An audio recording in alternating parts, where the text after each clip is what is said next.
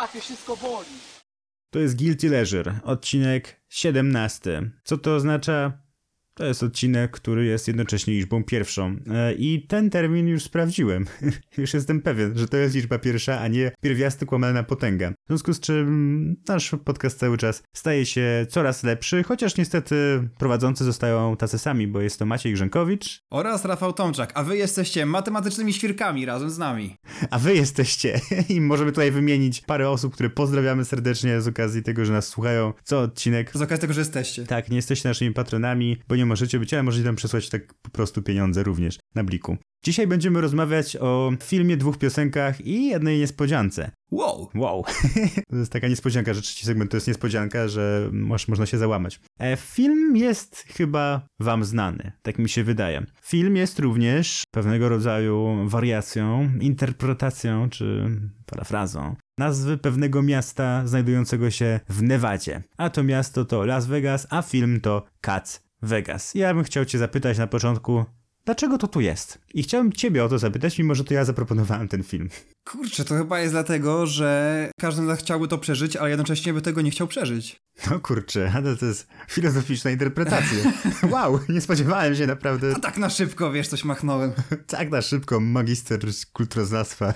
tak jest. Nie, ale poważnie to trochę, to, trochę jest tym prawdy. To znaczy ta historia jest o tyle fajna, tylko że pytanie, czy ona jest fajna dlatego, jak, że oglądamy ją z perspektywy trzeciej osoby, ale jednocześnie bohaterowie robią takie rzeczy, na które my może nie wszyscy byśmy się zdobyli. Oni nie mają takich hamulców, albo właściwie nie mogą mieć, bo ktoś im czegoś dosypał, więc to ułatwiło sprawę. No a my możemy tylko się przyglądać i zazdrościć i współczuć. Ja się z tym w gruncie rzeczy zgadzam, chociaż o tym wcześniej nie myślałem. Możemy jeszcze o tym potem porozmawiać za chwilę, bo ja chciałem ci podać mój powód, dla którego ja to wybrałem. Otóż yy, nie wiem, czy przyglądałeś recenzję, czy opinię na temat tego filmu w momencie, kiedy on był no, w kinach, czy powiedzmy parę lat później. Tam przewijało się takie słowo jak prostacki, ponieważ ten film był uznawany w tym roku, w którym wyszedł, 2009, za właśnie taki prostacki. I ja jako taki zapamiętałem właśnie ten film, który widziałem już wcześniej. Ja pomyślałem, okej, okay, to się nada, ponieważ to jest właśnie taka głupia komedia, którą należy pogardzać, e, no ale daje mi, dawała mi dużo frajdy, no to na pewno się nada. A potem zobaczyłem ten film i ja się zacząłem zastanawiać, czy jest tutaj coś gorszącego tak naprawdę?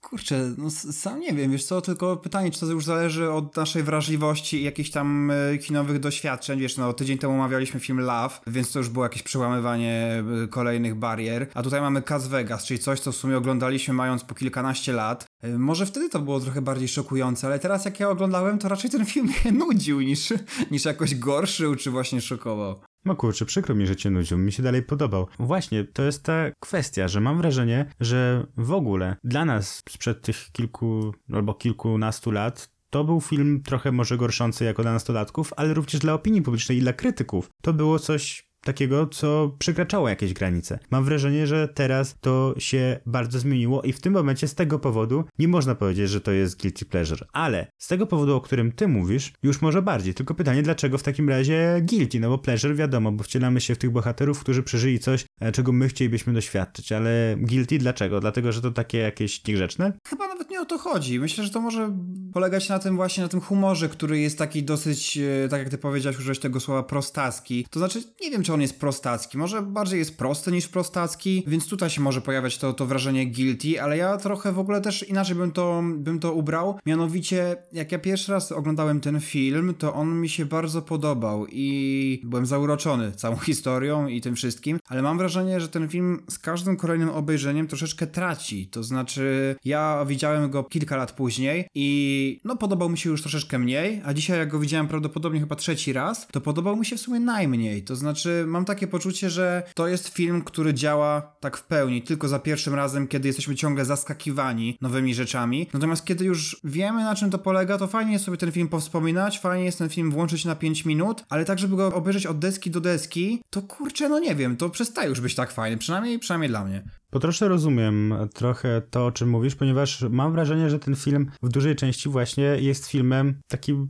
no, kryminalnym, w którym e, detektywistycznym bardziej, w którym chodzi o to, żeby dojść do tego, co się stało, a kiedy już jest tak naprawdę wiadomo, co się stało, kiedy te wszystkie elementy układanki zostały no, złożone razem, no to już ta stawka widza nie jest aż tak wysoka. Ale mi się wydaje, że jest tutaj jeszcze coś wartościowego, oprócz właśnie samej tej fabuły w kontekście no, rozwiązania zagadki. Ponieważ tych czterech głównych bohaterów, a konkretnie trzech, Mam jakieś wrażenie, że oni są no, z jednej strony takimi stokowymi postaciami sitcomowymi, ale z drugiej strony umiejętnie zagranymi i takimi, którzy przekonują mnie, powiedzmy, do tych swoich ról, a jednocześnie chyba, no nie wiem, no moim zdaniem wyciskają z tego, co się da.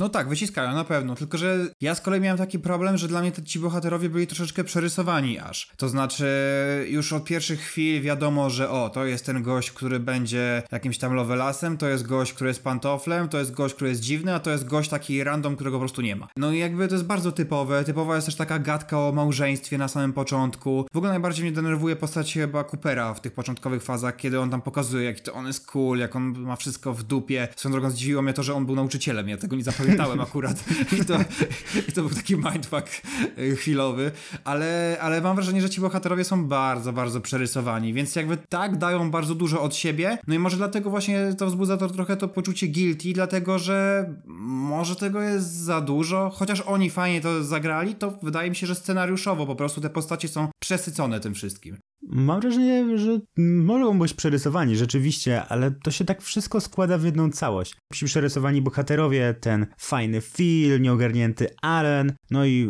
Stu Fryer.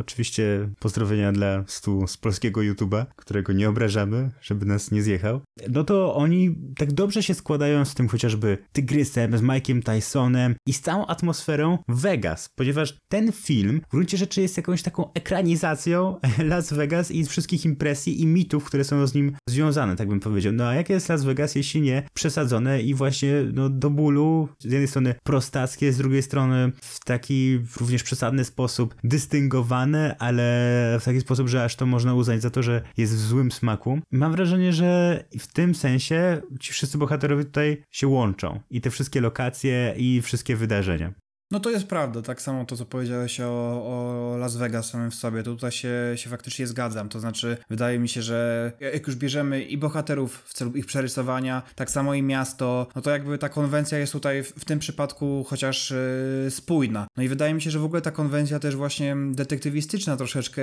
jest fajna, ale brakuje mi czegoś takiego, żeby wycisnąć z niej jeszcze troszeczkę więcej, z tego względu, że mam takie poczucie, że bohaterowie odkrywają kolejne karty, tylko że to nie jest tak, że coś się łączy, co było na początku z tym, co jest na końcu, że mają jakieś te poszlaki, tylko chodzi o to, że oni tak naprawdę zmieniają planszę. To znaczy są w jednym miejscu, o, mają kolejne jakieś tam clue, jakieś, mają jakąś kolejną wskazówkę, o, przychodzą do kolejnej planszy, tam mają kolejną planszę, że brakuje mi czegoś takiego, wiesz, stylu, że kurczę, tu mam, wyciągam trochę z tego, tutaj trochę z tego i to się jakoś łączy. Mam wrażenie, że ta, ta konstrukcja jest w sumie całkiem prosta i oczywiście jak oglądałem ten film pierwszy raz, to mi to nie przeszkadzało, natomiast teraz to jest takie, okej, okay, dobra, no teraz muszą pójść tu, żeby pójść troszeczkę dalej, pójść tu, żeby pójść troszeczkę dalej i to jest dla mnie troszeczkę męczące. No tak, no za trzecim razem to już pewnie rzeczywiście ten cały urok detektywistyczny spada. A ty pamiętałeś e, tak powiedzmy w miarę dobrze, co się działo e, w tym filmie, kiedy zaczynałeś go oglądać dzisiaj? Yy, raczej tak. No, wydaje mi się, że to jest taki film, który zostaje jednak w pamięci. To znaczy, też wydaje mi się, że to jest jeden z tych filmów, że naprawdę trudno o osobę, która tego filmu nie widziała. Ma tak zagwarantowane swoje miejsce już w świadomości takiej popkulturowej, że oczywiście jakby tutaj nie chcę jakoś bardzo generalizować, ale wydaje mi się, że to jest jeden z tych filmów, które naprawdę siłą rzeczy jakoś ktoś ci puścił, nawet jeżeli nie widziałeś w kinie, to po prostu gdzieś jakoś ci mignęło, zostawiłeś sobie i obejrzałeś do końca, po prostu. Ja ci powiem, że ja sobie aż zapisałem listę, e, nie listę, ale liczbę moich znajomych, którzy ocenili ten film na Filmwebie. I wiesz, jaka to jest liczba? No. Jest to liczba trzycyfrowa. 133 moich znajomych oceniło ten film. I stwierdziłem, że to może być jakiś naprawdę rekord, może oprócz Harry'ego Pottera na przykład i kamienia filozoficznego. W każdym razie w ogóle moje doświadczenie z, z tym filmem jest takie, że on również jakoś tam był osią sporu międzykulturową, ponieważ jak e, przyjechały dziewczyny z wymiany z Niemiec jeszcze w liceum do mnie i dwóch koleżanek, które je gościły, no to w pewnym momencie zrobiliśmy sobie takie jakieś, powiedzmy, imprezę w nocy, no i mieliśmy zobaczyć jakiś film, no i ktoś zaproponował Las Vegas, możliwe, że to byłem ja, no i te, no i te dziewczyny były takie, o Boże, nie, tylko nie The Hangover, e, które swoją drogą bardzo fajnie przetłumaczone na polski. W szczególności druga część. no, no tak. Okej, okay, druga część, tutaj first things first, a właściwie second things first. Druga część mnie bardzo denerwowała. To jest swoją drogą. Ponieważ e, mam wrażenie, że odczułem podczas jej oglądania trochę to, co ty odczuwasz podczas oglądania kolejny raz pierwszej części, ponieważ ja oglądając drugą część miałem wrażenie, że oglądam drugi raz pierwszą część właśnie. Ponieważ jest już tak bardzo zerżnięta. Ten schemat jest dokładnie taki sam. W pewnym momencie okazuje się, że bohaterowie zostali naćpani. Oczywiście, wiadomo, zmienia się tylko lokacja. To mnie denerwowało, po czym w trzeciej części jakoś to z jakiegoś powodu bardziej mi się znowu spodobało. Nie wiem, nieważne. Generalnie teraz rozmawiamy o części pierwszej. Ale oni w trzeciej też w sumie zmienili trochę ten format. To jest trochę tak jak z Igrzyskami Śmierci, że pierwsza część się sprawdziła, w drugiej jest jakby podobny schemat, chociaż tak staraj się troszeczkę zrobić furtkę już na trzecią część i trzecia część jest zupełnie inna, ale faktycznie każda kolejna część Cats Vegas jest dla mnie coraz gorsza po prostu. Coraz gorsza. No okej, okay, no to u mnie na, najgorsza ta część druga. No ale najważniejsze, że mówimy o tej najlepszej klasyce gatunku, czyli części, części pierwszej. Powiem ci tak, ja w sumie zastanawiałem się nad tym, nad tą frazą, frazą filozoficzną. Co dzieje się w Vegas, zostaje w Vegas. Ja odniosłem wrażenie, że ten film jednocześnie portretując Vegas ma jakąś taką Właśnie misja to by było za dużo powiedziane, ale jakiegoś, jakiegoś takiego questa, żeby przedstawić to, co się dzieje podczas karnawału, jakąś tą karnawalizację, gdzie wszystko staje na głowie. Że ten wyjazd ich do Vegas jest czasem właśnie tym jednym dniem na przykład, e, w, czy, czy jednym okresem w roku, kiedy nagle wszystkie zasady zostają zatrzymane i e, wszystko to, no, wszystko jest dozwolone. Ale z drugiej strony ma to też swoje problemy, ponieważ mam wrażenie, że kiedy wszystko, co ograniczało te osoby jest zatrzymane, to nagle okazuje się, e, że ten świat bez hamulców jest mega patriarchalny. No jest, jest. To znaczy w ogóle wydaje mi się, że to jest trochę szkodliwe. Znaczy ciężko jest w ogóle tutaj rozpatrywać te, te, zachowania bohaterów z racji tego, że oni właśnie są jakimiś tam karykaturami, ale ciężko jest je rozpatrywać w kontekście jakiegoś logicznego i sensownego przełożenia na nasze życie. Ale wydaje mi się, że faktycznie no, taka noc oczyszczenia, która w perspektywie całego roku ma ci dawać jakieś wytchnienie, to nie jest to, co faktycznie to wytchnienie ci jest w stanie zapewnić. To znaczy wydaje mi się, że tutaj trzeba znaleźć jakiś taki złoty środek między taką szarą codziennością, a takim typowym typowym Vegas. Natomiast patriarchalny, jakbyś mógł rozwinąć w jakim sensie?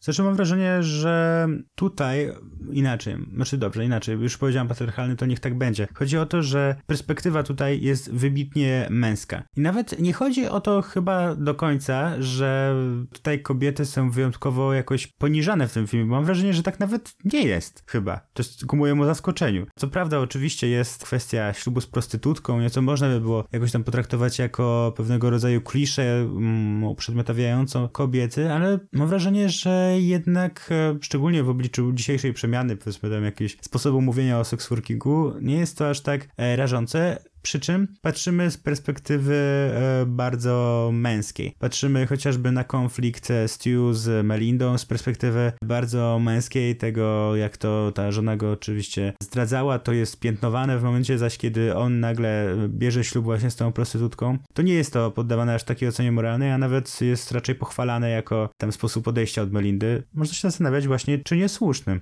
No ale nie ma tutaj jakiejś takiej kobiecej perspektywy. Wiesz co, wydaje mi się, że ten film po prostu gra kliszami, jeżeli chodzi o wszystko. To znaczy, jeżeli chodzi o podejście do, do kobiet, czy do damskich bohaterek, czy w ogóle jakieś do takich spraw, powiedzmy w dużym uproszczeniu, męsko-damskich, to wydaje mi się, że on jest taki też mocno stereotypowy po prostu. Tutaj nikt nie starał się w ogóle brać odpowiedzialności trochę za to, za to, co zostało zawarte w scenariuszu. Tutaj ta społeczna odpowiedzialność nie istnieje w sumie. To znaczy tutaj jest po prostu jazda teoretycznie bez trzymanki. W ogóle twórcy chyba im nawet nie przyszło przez myśl, żeby w ogóle pomyśleć na, na, ten temat. Czego przykładem jest chociażby jakaś tam scena, kiedy Bradley Cooper zwraca się do jednej... To w ogóle dziwna była scena, tylko że oni jadą sobie, jadą sobie radiowozem i on tam do niej mówi przez megafon, że no generalnie, że ma fajne cycki. I ona taka zadowolona, oje, tak. Tak, to była dziwna scena. I to był ten jeden moment, kiedy faktycznie poczułem to, o czym ty mówisz teraz. No to było jeszcze, jeszcze bardziej sztuczne po prostu, no. Takie jakby usilnie chcieli wstawić tam jakiś taki tekst, żeby pokazać, że mm, to jest taki badasowy film, to tutaj się dzieje, to jest jazda bez trzymanki. A tak naprawdę wydaje mi się, że to twórcy może by chcieli, żeby ten film był bardziej kontrowersyjny, a mam wrażenie, że on wpadł w takie właśnie stereotypowe klisze. Czyli jak byś ocenił ten film po dzisiejszym seansie? Wcześniej widziałem, że dałeś mu 7. Tak, ja w ogóle chyba też zastanawiam się, jak ten film powinienem oceniać, dlatego że z tego co pamiętam, to po tym pierwszym obejrzeniu te wiele lat temu, to ja dałem mu jakieś 8, potem chyba zmieniłem na 7, a dzisiaj zmieniłem na 6.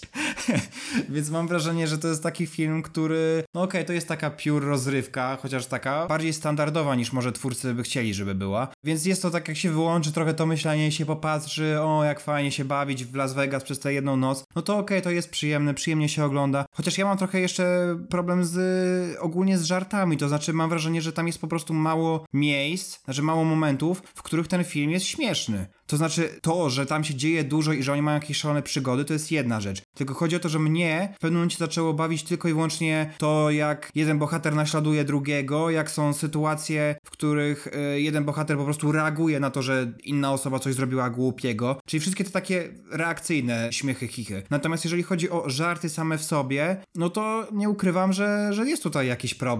Więc no nie wiem, powiedzmy, że zostanę przy tej szóstce, ale to jest taki film, tak jak powiedziałem, na jeden raz. A jakie żarty masz na myśli, takie, które cię na przykład zażenowały? Większość z nich. To znaczy, mam poczucie, że w ogóle ja w trakcie tego filmu zaśmiałem się może ze dwa czy trzy razy na głos, a wszystko to jakby jak coś jest przerysowane właśnie i to jak teoretycznie nawiązują do popkultury, to niespecjalnie mnie to bawi. No w ogóle sama, sama postać Czała jest dla mnie mocno niefortunna, to znaczy, no nie bawi mnie. Nie bawił mnie nawet te kilkanaście lat temu, teraz też mnie nie bawi. Nie za bardzo rozumiem, czym on sobie zaskarbił sympatię widzów. No to nie jest humor dla mnie chyba po prostu. No Czał mnie też nie bawi, ale wydaje mi się, że można doszukać się jego popularności chociażby w tym, jak stereotypowo został przedstawiony jako połączenie gangstera z Jackie Chanem, no i oczywiście plus stereotypy rasowe, oczywiście witamy, witamy na pokładzie Cats Vegas. No i no już mamy postać, która może zabawić powiedzmy ludzi, najpewniej nie Azjatów, chociaż może i też, no ale najpewniej raczej ludzi nie z mniejszości. No ale to jest takie dziwne, ten film, wiesz, ma być super kontrowersyjny, a w sumie jest tak stereotypowo kontrowersyjny i to jest chyba mój największy zarzut wobec niego. I to jest właśnie ta kwestia, która myślę, że się zmieniła na przestrzeni lat, że na początku ten film rzeczywiście mógł być kontrowersyjny, ale nagle to wszystko się trochę zmieniło. Powstały chociażby takie filmy jak właśnie Love, o którym rozmawialiśmy w ostatnim odcinku. Powstały takie filmy jak Kto zabił kapitana Alexa. I to zmieniło wszystko. No i tak, no i, i powstał, też mam wrażenie, albo inaczej nie powstał, ale bardzo się rozwinął YouTube, o którym często mówimy tutaj. Wszystkie ozdolne portale, na których możemy stawiać własne treści i które no, upowszechniły tę całą brutalność, jakby zdjęły też trochę zasłonę, która oczywiście z każdym rokiem, ogólnie od powstania świata robi się coraz rzadsza, może, może nie od powstania świata, ale z każdym rokiem robi się coraz rzadsza, ale w tym momencie Cats Vegas jest filmem, który mógłby być zobaczony przez chyba prawie każdego. No to prawda, to prawda. To jest bardziej lightowe niż się, niż się wydaje. Ja jeszcze chcę tylko dodać, że końcówka jest dla mnie bardzo nietrafiona. Zawiodłem się te kilkanaście lat temu, zawiodłem się teraz, dlatego że to jest taki standardowy motyw, w którym jakiś bohater coś tam mówi i przypadkowo dzięki temu coś innemu bohaterowi zaczyna świtać w głowie i nagle jest przypominanie sytuacji, o których widzowie nawet nie wiedzieli i to jest niefajne. Jeżeli widz na przykład nie ma pojęcia do czego się odnosi jakiś bohater, ale to dzięki temu cała zagadka zostaje rozwiązana. Jest to, jest to słabe, ale podobało podobało mi się parę takich zabiegów, gdzie twórcy chcieli trochę wyjść chyba i tak bardziej postmodernistycznie podejść do tematu, jak tam były jakieś takie czarno-białe wstawki, takie czarno-białe wspominki bohatera, którego oni szukają. To to mi się podobało nawet całkiem. No i też trzeba podkreślić, że pomijając wszelkiego rodzaju produkcje Marvela, gdzie wszyscy ludzie siedzą na napisach i czekają na scenę po napisach, no to kurczę, chyba na żadnym innym filmie ludzie na napisach nie siedzieli.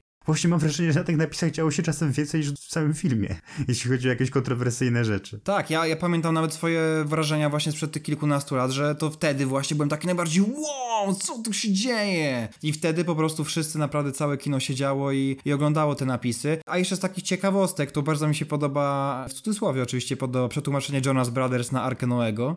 tak, to mnie też się podoba, więc zapraszamy na Netflixa. tak jest. I też jako ciekawostkę warto powiedzieć, że w momencie, kiedy promowana była Kacwawa, czyli niesamowita polska produkcja, o której może powiemy, a może nie, zobaczymy. No zobaczymy. Szykuje się jubileusz, 20 odcinek. Więc trzeba przygotować prawdziwą petardę. Ale to zabawne było to, że ym, Kacwawa trochę żerowała, yy, zresztą co, co widać już jakby po samym tytule, na Cas Vegas. No i w momencie, w którym była premiera, to powstała masa trollowych kont na Filmwebie i te trollowe konta oceniały Cats Vegas na 2 i Cats Wawę na 10. I za każdym razem potem ludzie mogli spotykać te konta i tam widzieli właśnie, że o kurczę, nie no, Cats Wawa to jest dużo lepszy film, dużo lepszy film. To potem wyszło na jaw i wtedy ludzie masowo zaczęli oceniać Cats Wawa na 1, chociaż no umówmy się, jakby ten film by i tak dostało większość jedynek niezależnie od tego, czy by ta sprawa wyszła, czy nie wyszła. Ciekawe jak e, Kazowa jest przetłumaczona na angielskim. Skoro The Hangover to jest Cats Vegas, to The Hangover Wawa.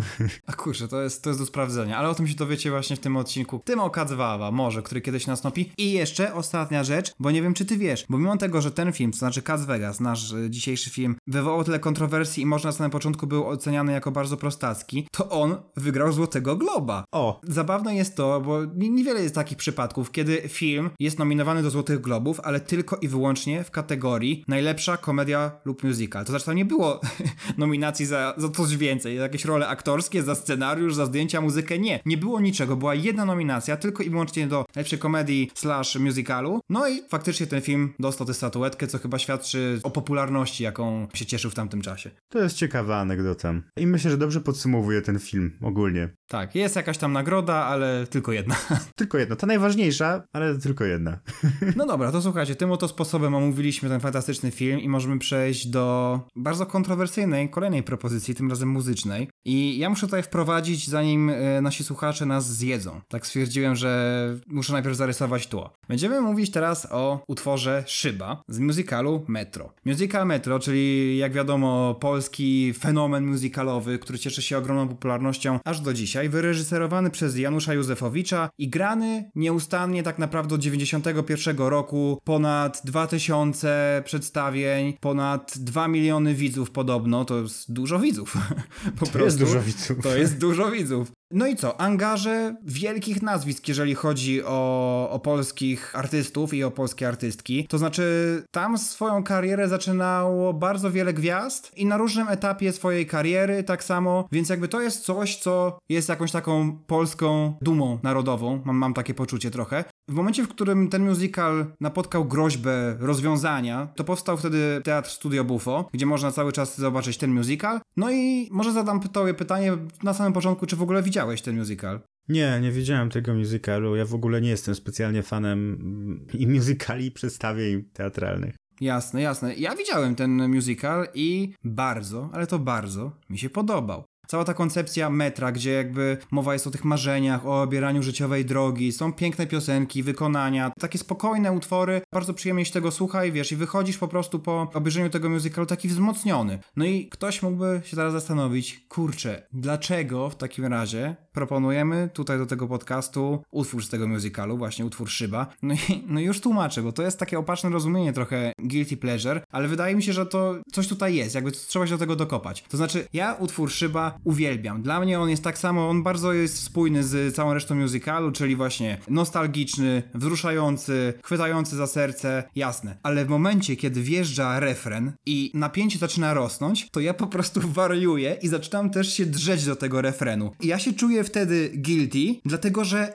mam wrażenie, że powinienem oddawać jakiś, nie wiem, większy hołd metrze po prostu, a ja robię z tego jakąś, jakąś wiesz, Manianę robisz. ja robię jakąś manianę, robię jakieś własne przedstawienie, no. Nie wiadomo, co tutaj się dzieje. I wiesz, jak tam zaczynają wjeżdżać te rymy i tam już się pojawia słowo zaczyna, to ja już czekam na to ugina, żeby już tylko móc to wykrzyczeć. I no kurczę, jest mało takich musicali, z których ja wyjmuję jakieś piosenki i śpiewam je sobie w losowych momentach w trakcie dnia, bo to nawet nie tylko chodzi o ten konkretny utwór, ale też o inne utwory z tego musicalu. Teraz może oddam tobie głos, bo trochę zarysowałem całe tło, ale jaki jest twój odbiór tego utworu? Ja się, kurczę, no zdziwiłem, mm, jak to wysłałeś. Powiem tak, no, no mi się jakoś specjalnie nie podobał ten utwór. Ja nie mam żadnego sentymentu do tego musicalu. W dodatku, kurczę, jakoś mnie też tak troszeczkę znudził, prawdę mówiąc. I, i wkurzył troszeczkę. Wow, wow! Właśnie jakby słuchając tego utworu, byłem jakby słuchałem go przez taką szybę, którą próbowałem zbić, ale ona nie pękała. Ona się ugina! Właśnie ona się ugina! To i właśnie, okej, w ten sposób może trochę empatyzuję z przesłaniem piosenki, ale nie wiem, czy o to chodziło. Dlatego to jest guilty. Właśnie chodzi o to, że widzisz, ty odbierasz to w zupełnie inny sposób. To znaczy, w jeszcze inny, no o który twórcom nie chodziło. I ja tak samo. No to wykonanie, ja akurat mówię o wykonaniu Katarzyny Groniec z, z tego względu, że jakoś mi jest najbardziej bliskie. No to kurczę, no te zwrotki są takie płynne, spokojne, one też mnie nie porywają. Ale właśnie jak zaczyna wjeżdżać ten refren, no to po prostu wiesz, oczy się zapalają i momentalnie można sobie wyjść. A najlepsze jest to, że w trakcie jakichś takich normalnych rozmów z innymi osobami, też jeżeli ktoś powie coś o szkle, albo nie wiem, jakaś tafla, jeżeli, znaczy nie, nie często się używa słowa tafla w takiej codziennej rozmowie, Ale czekasz na to. ale czekasz, czekasz i jak już ktoś to zrobi, to po prostu nagle wiesz, pięć osób ugina. No kurczę, to jest to, jest to no. Nie miałem jeszcze takiej sytuacji. Ja miałem, bo to ja po prostu, ja, wiesz, rozpoczynam te wszystkie sytuacje. A, no to mamy wyjaśnienie, dlaczego masz tutaj nadwyżkę statystyczną. może tak, może tak. Ale nie, no y, trochę, żeby podać podobny przykład, też wzięty z musicalu Metro, no to wybudujemy wieżę. No to jeżeli ktoś powie wieżę, no to nie, jakby wiesz, ty tego musicalu nie widziałeś, ale dla mnie to jest naturalne. Jeżeli ktoś powie wieżę, to ja muszę wtedy powiedzieć wieżę, wieżę, wieżę, bo to jest kolejny utwór z tego musicalu. Albo uciekali, uciekali, uciekali na osiołku tararara. No to kurczę, ja nie wiem, te utwory tak sprawiły, ja, ja nie wiem, ja wtedy miałem kilkanaście lat, ja, jak byłem na tym musicalu, zakochałem się, bardzo mi się podobał, bardzo przeżywałem ten musical i wiesz, i teraz te kilkanaście lat później słyszę wieżę i po prostu zaczynam śpiewać, albo uginające się tafli szkła. To jak jesteś w kościele i jest wierzę w Boga, to... to mówisz, Wierzę, wierzę, wierzę. Proste no. Ale to uciekali na osiołku, uciekali. Tę piosenkę znam i ją bardzo lubię rzeczywiście. Słuchaj, ja w ogóle bardzo ci polecam, nie, zresztą nie tylko tobie, słuchacze i słuchaczki. Jeżeli nie zapoznaliście, nie zapoznałyście się wcześniej z musicalem Metro, to bardzo gorąco zachęcam, bo ja nawet mam takie poczucie, że ten musical się nie starzeje specjalnie. On w ogóle jest taki trochę amerykański, właśnie w tym stylu, że jakby młodzi ludzie, odrzuceni na początku, więc robią coś sami, tak oddolnie i nagle osiągają sukces. I teraz się pojawia dylemat, czy podążyć za pieniędzmi, czy być wiernymi samemu sobie. No nie wiem. Mnie to rusza aż do, do, do granic możliwości, że zaczynam to wplatać w codzienne rozmowy. Dobra, to zrobimy tak. Kto udostępni post z tym odcinkiem e, i napisze wierzę w at Guilty Leisure na swojej tablicy na Facebooku, dostanie możliwość wyjścia z nami na musical Metro w Teatrze Studio Buffo, kiedy już będzie można i pójdziemy z fanami i nagramy z tego ekskluzywny materiał. Dobra, już wiesz, jak już tak powiedziałeś, to nie mogę być tym złym policjantem, więc, więc tak, tak zrobimy. Dobra, i przekonamy się. Jasne. Dobra, to teraz nowy utwór. No, no w nowym utworze trudniej będzie zrobić taki konkurs, ponieważ e, no nie, nie kupimy wam lalki Barbie. Ewentualnie możemy wam towarzyszyć, kiedy będziecie kupować lalkę Barbie, ale nie wiem, czy to będzie jakaś atrakcja. Możemy też to zrobić po prostu, jak napiszecie do nas. Kupcie lalkę, proszę. Kupcie mi ją, Proszę, błagam. napiszcie do nas, nikt do nas nie pisze. nie, no taki żart trochę. Generalnie chodzi o utwór Bobby Girl, który został wykonany przez e, kapelę Aqua. No dobra, no to Rafale, no, powiedz mi jednym słowem zaczynającym się na literę P, co myślisz o tym utworze? Zaczynając się na literę P? Tak, tak. Potężny. No nie wiem, czy to jest najlepsze określenie. Może gdybyś miał do wyboru inne słowa niż na literę P. Ale może chodziło ci po prostu o pop. Właściwie o nic mi nie chodziło, tak naprawdę, ale A, okej. Super zagadka. Małe badanie psychologiczne. Generalnie potężny pop. Okej, można tak to określić i myślę, że to w sumie zgadza się z moimi przemyśleniami na ten temat, ponieważ mam wrażenie, że ta piosenka, łącznie z teledyskiem, który również wam proponuję, one chyba są najpotężniejszym popem, jaki da się wymyślić. W sensie mam wrażenie, że ten utwór jest czymś najbardziej kapitalistycznym, najbardziej konsumpcjonistycznym, co da się sobie chyba wyobrazić. To jest taka pigułka konsumpcjonizmu, Ameryki i plastiku. No to prawda, to prawda, tylko ja zaczynam się zastanawiać, bo ten utwór w ogóle jest bardzo kontrowersyjny, bardziej niż początkowo mogłoby się nam wydawać. I kurczę, ja trochę nie wiem do końca, jakie były intencje twórców i w jaki sposób on powinien być odbierany. To znaczy to, o czym ty mówisz, no jest taki, jest ultra pop, jest po prostu komercha, jest plastikowe życie. Tylko teraz pytanie, czy to jest pochwała tego plastikowego życia, czy to jest wyśmianie tego plastikowego życia, czy to jest taka, wiesz, bezpretensjonalna zabawa tym plastikowym życiem? O co tu chodzi? Ja powiem tak, e, ja się też zastanawiałem nad tym wszystkim, no i, no i ja nie wiem właśnie. Tada! Ja, ja, ja powiem tak, dla mnie to jest w jakimś sensie utwór kompletny. Jakbyś powiedział, że na literkę K, to bym powiedział kompletny, dlatego że to jest utwór kompletny pod kątem dyskotekowym, pod kątem tego, żeby sobie śpiewać, nawet na rolę. I moim zdaniem tekstowo jest on też bardzo inteligentny z tego względu, że no, no przekłada ten świat lalek na, na rzeczywistość i troszeczkę odwrotnie. Tylko właśnie ja trochę mam poczucie, że zespół Aqua bardziej się bawił konwencją i trochę wyśmiał to plastikowe życie. Mam wrażenie, że to nie jest jakiś hołd dla tych lalek Barbie, tylko trochę mam wrażenie, że sam tekst, jak i w ogóle ten kolorowy i zabawny teledysk ym, i to takie przesseksualizowanie tego wszystkiego, to to sprawia właśnie, że jest to jakaś satyra na tę komerchę i na ten współczesny świat. Ja ci powiem tak, w sumie myślę, że możesz mieć rację, ponieważ w ogóle tutaj oczywiście jest kwestia zabawy konwencją, jest tutaj kwestia e, no, tą, tym plastikiem i tak dalej, ale jest też bardzo ważna, mam wrażenie, kwestia no jednak kobiecości i, no, i uprzedmiotowienia kobiet. Mam wrażenie, że patrząc na ten tekst, to to jest jakiś absurd po prostu w dzisiejszych czasach. No nie wiem, nie wyobrażam sobie, żeby ten tekst powstał w dzisiejszych czasach. Myślę, że możemy sobie założyć trochę licznik e, tego zdania i wyobrażam sobie, żeby ten film powstał w dzisiejszych czasach i tak dalej. No bo, ponieważ tutaj nawet jeśli to jest ironia, myślę, że to jest możliwe, bo jednak no tak daleko idące autouprzedmiotowienie, że no I'm a Barbie girl, I'm in, in a Barbie world, coś tam zrób ze mną co chcesz, rozbierz mnie, no, no nie wiem, trudno mi na to patrzeć nieironicznie.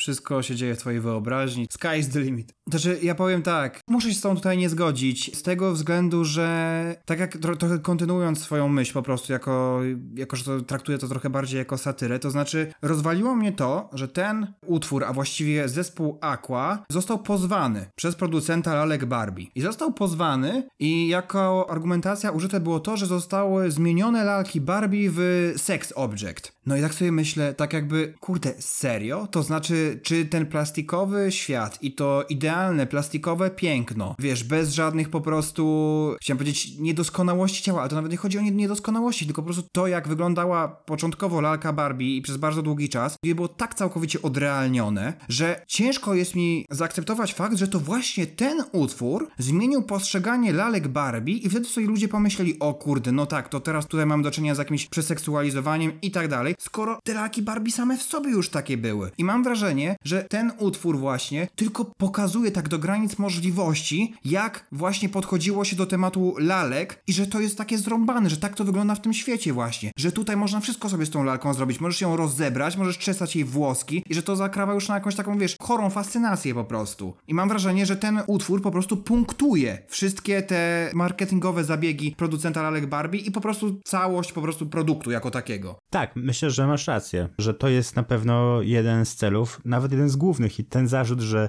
to ta piosenka zmieniła lalkę Barbie w coś seksualizowanego, no to to jest absurd. E, a swoją drogą dodam jeszcze tylko, że właśnie ten producent lalek Barbie później zaczął wykorzystywać ten utwór w swoich kampaniach reklamowych. Co ciekawe.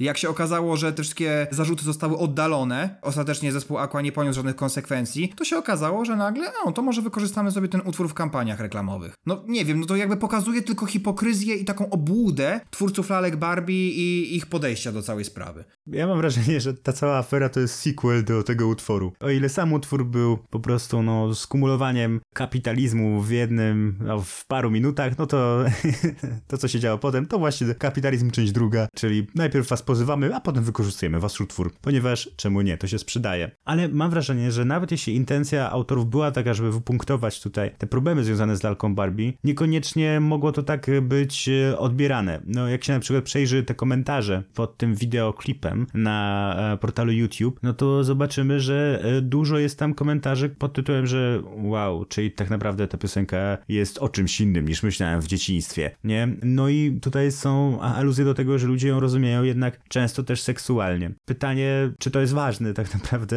w kontekście autorów? Myślę, że tak, że musieli mieć e, również tego świadomość, jednak również uważam, że warto odbierać tę piosenkę jako krytykę tego. I wtedy można się też nią lepiej cieszyć. Znaczy, ja myślę, że to wiesz, to, to nie jest tak, że ci oni, on, czy oni mieli świadomość, czy jej nie mieli. Oni jakby to zrobili intencjonalnie po prostu. No przecież wiadomo, że ten tekst nie wymyślił się sam przypadkowo, tylko oni chcieli właśnie zaszokować, bo to, że potem dzieciaki to śpiewają, to już jest kolejny taki utwór w naszym podcaście, że jako dzieciak, wiesz, śpiewasz jakiś utwór, w sobie nie wiesz, o czym do końca on jest, a jak się nad tym zastanawiasz po latach, to takie, o kurde, no to tak średnio by powiedział. I wiesz, i to jest kontrowersyjne, oczywiście, że tak, ale no tak jak mówię, oczywiście możemy poddawać to analizie, możemy też poddawać krytyce, jak najbardziej, ale pokusiłbym się jednak o stwierdzenie, że, że jest to po prostu szydera, wiesz, to, że wykorzystujesz brutalność w filmie, to nie znaczy, że jesteś po prostu pro brutalność. Wydaje mi się, że pewne jakby zabiegi, które mają właśnie pokazać daną rzecz jako bardziej groteskową albo uwypuklić pewne jej słabości, to mogą jakoś poniekąd przypadkowo trochę daną rzecz promować i zawsze się znajdą głosy, które stwierdzą, że każde pokazywanie i każde oglądanie to jest promowanie, aczkolwiek no to nie jest tak czarno-białe po prostu, że jeżeli coś zawierasz w swoim utworze, w swoim jakimś tekście kultury, to nie znaczy od razu, że daną rzecz promujesz, przynajmniej ja tak na to patrzę. Nie, no jasne, wiadomo. Nie jest to czarno-białe, możemy znaleźć oba aspekty, my się przychylamy do tego, że to jest satyra, a ja bym jeszcze chciał zwrócić uwagę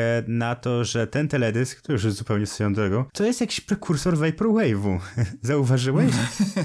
no to jest prawda. Te inspiracje Japonią, te palmy w tle, jak się jechało. Tak, to prawda. No to oni wyprzedzili troszeczkę swoje czasy, mam wrażenie. Serio. To jest bardzo dziwne i bardzo ciekawe. No rzadko kiedy w ogóle z tamtych czasów ogląda mi się dobrze teledyski, a ten jest dla mnie kolorowy, całkiem zabawny, fajna konwencja, całkiem przyjemnie. A też jako ciekawostkę wtrącę, że ten e, utwór został też wykonany na Eurowizji, nie w tym konkursie głównym, aczkolwiek zawsze może się pochwalić, że się na scenie eurowizyjnej pojawił. No i w ten sposób został nobilitowany do tego, żeby być tematem odcinka Guilty Leisure, ponieważ Eurowizja to my. ja mam, mam swoją drogą nadzieję, że kiedyś jednak przesłucha tego no, nasz organizator Eurowizji i zatrudni nas do komentowania utworów, ponieważ sprawdzilibyśmy się w tej branży. That's the dream. That's the dream which we are going to pursue. Coś powiedziałeś? Głupie to było, lecimy dalej. Lecimy dalej. Słuchajcie, w ostatnim naszym segmencie, takim najkrótszym, mamy krótką, szybką reklamę. Reklamę herbaty Saga. Jeżeli oglądaliście telewizję kilkanaście lat temu, czy kilka, kilkanaście, to prawdopodobnie znacie tę reklamę. Jest to reklama, w której rodzina idzie na grzyby i pije herbatę. Koniec tej reklamy. I jak wysłałem ci, wysłałem ci linka do tej reklamy... Yy... Żeby mnie wkurzyć. żeby cię wkurzyć? wysłałem ci linka do tej herbaty, żebyśmy właśnie omówili sobie ją w tym trzecim segmencie, to napisałeś WTF. Rozwiń proszę. Nie, napisałem WTF-XD chyba, nie? Ach, przepraszam, tak, to prawda. Widzisz. Ale w dalszym ciągu rozwiń jeszcze bardziej. WTF to było wielopłaszczyznowe WTF, ponieważ po pierwsze e, WTF, chcesz o tym rozmawiać w podcaście Guilty Leisure, no nie żeby, nie żeby był jakiś inny podcast, w którym moglibyśmy o tym rozmawiać, no ale że chcesz o tym rozmawiać w podcaście?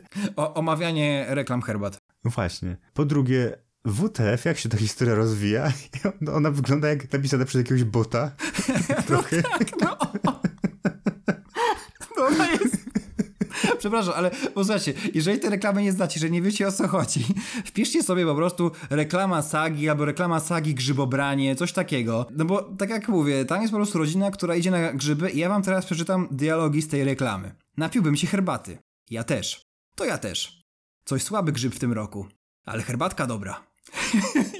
to jest koniec. To jest wszystko.